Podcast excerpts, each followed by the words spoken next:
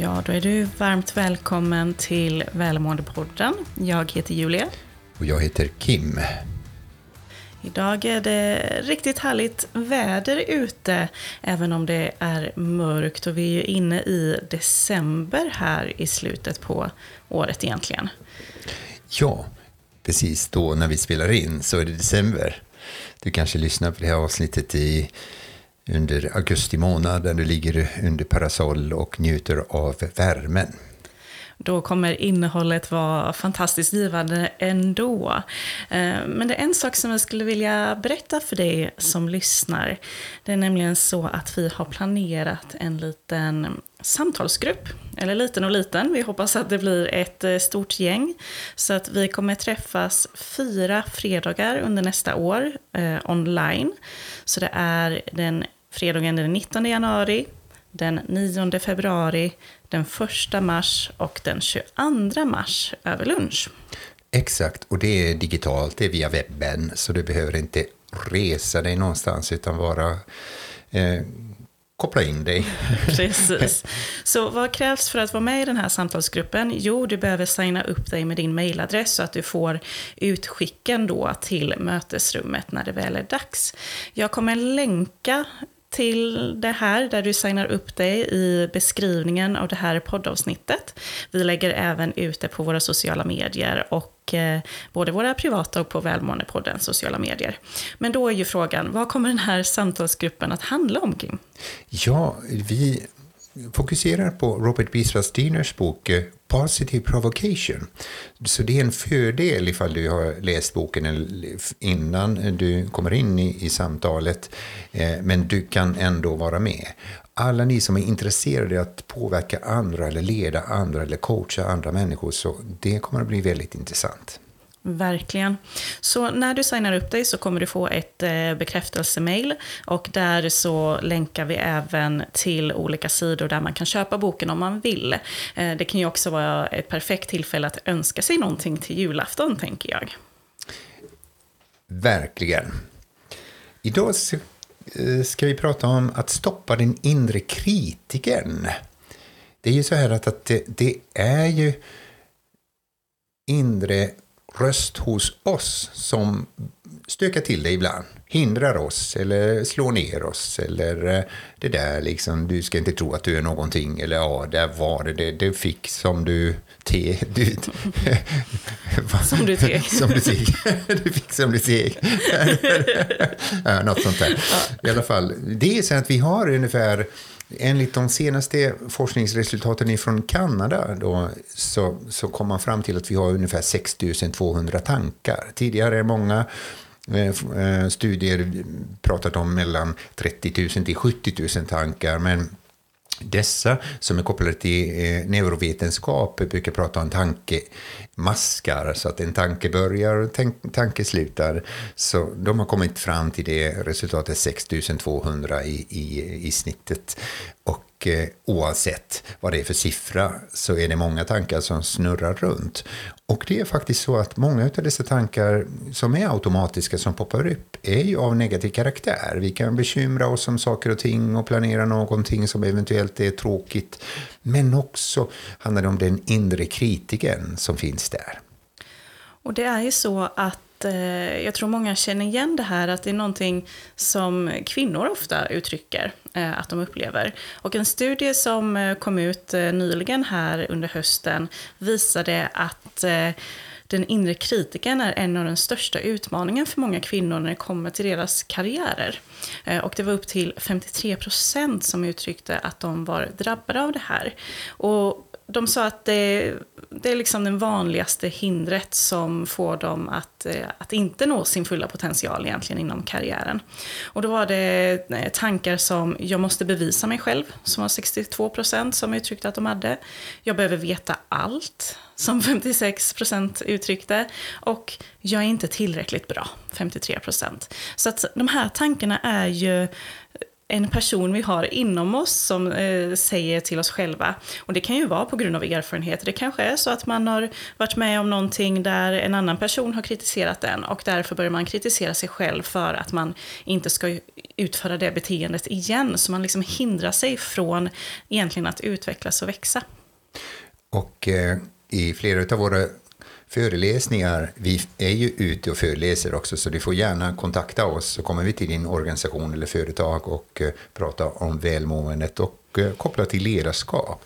Så i många föreläsningar brukar vi fråga eh, då dels hur låter dina tankar? Och alla blir riktigt frågande och, och eh, undrande. Och gör vi lite test då, liksom. tänk inom dig själv att du är värdelös. Och, och nu tänker du igen och ha inom dig själv världens sexigaste röst, jag är värdelös. Och utmana då, när många skrattar då, för att man inser att okej, okay, det finns en inre röst på något vis, för att det är ju inte en textremsa som går där inne så man behöver läsa sina tankar, utan det, det är en inre röst. Om det, röst. Om, det, om det är din röst eller om det är kanske din svärmors röst eller någon annans röst, men, men den kanske ändrar sin karaktär också.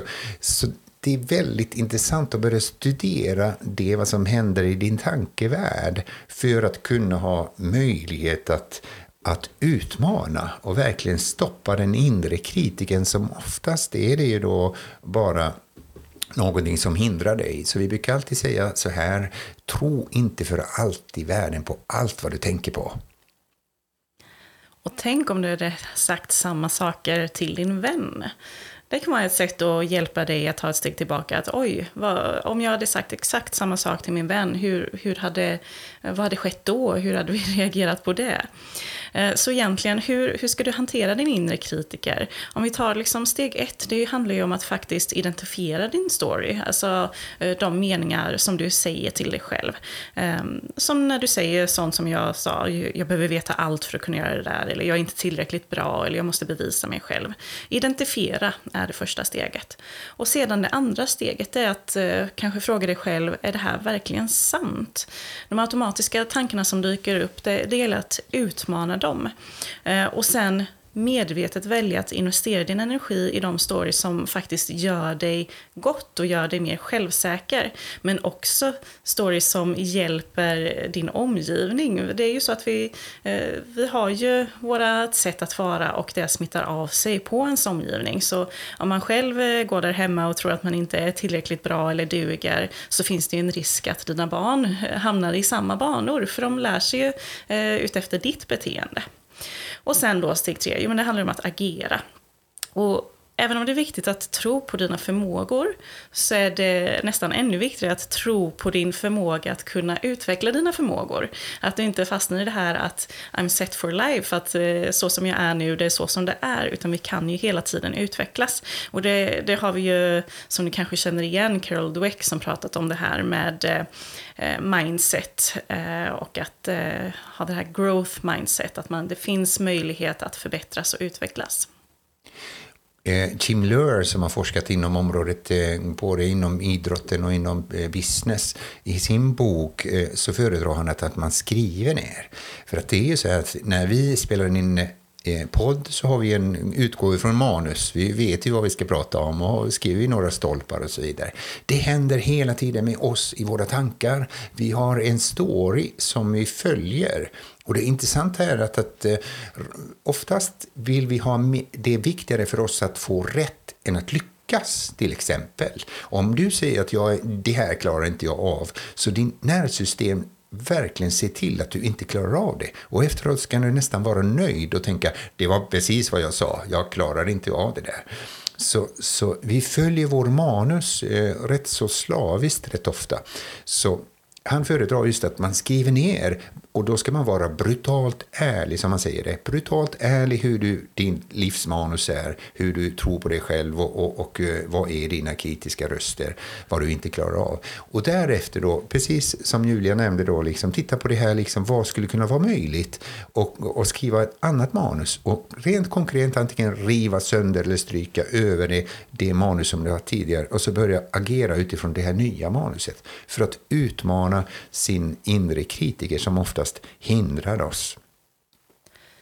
Och du som ledare, du kan ju göra stor skillnad för din omgivning. Och nu kanske du tänker, ja, men jag är inte en ledare, jag kanske inte har en chefsposition, men du kan fortfarande agera ledare för din omgivning. Eh, det kan vara, som förälder så är man garanterat en ledare till exempel, eller på jobbet så kan man ta en plats som ändå bidrar gott till omgivningen.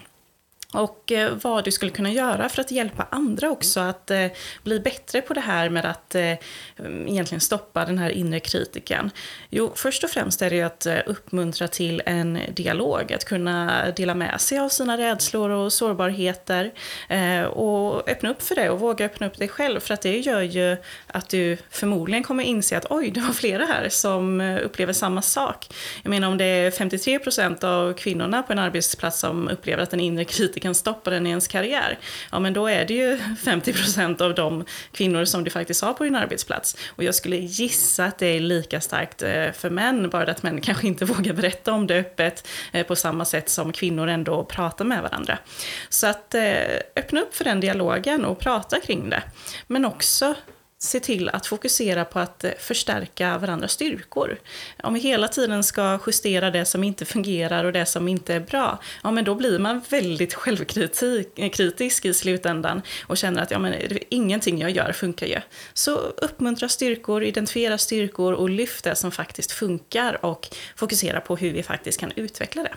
Man kan undra var kommer den här inre kritiken ifrån? Och det kan ju vara olika faktorer som har påverkat och, och flera tillsammans. Det kan vara ge, genetiskt, det kan vara ens föräldrar, en uppfostran, det kan vara omgivningen, det kan vara samhället och äh, sällskapet man har då liksom, eller, eller media, äh, medias påverkan. Och det är väldigt lätt att vi, vi äh, jämför oss med andra människor och det är det som kan bli problem, och då tänker man att jag är inte good enough, jag tyger inte, jag är inte så bra som han eller hon.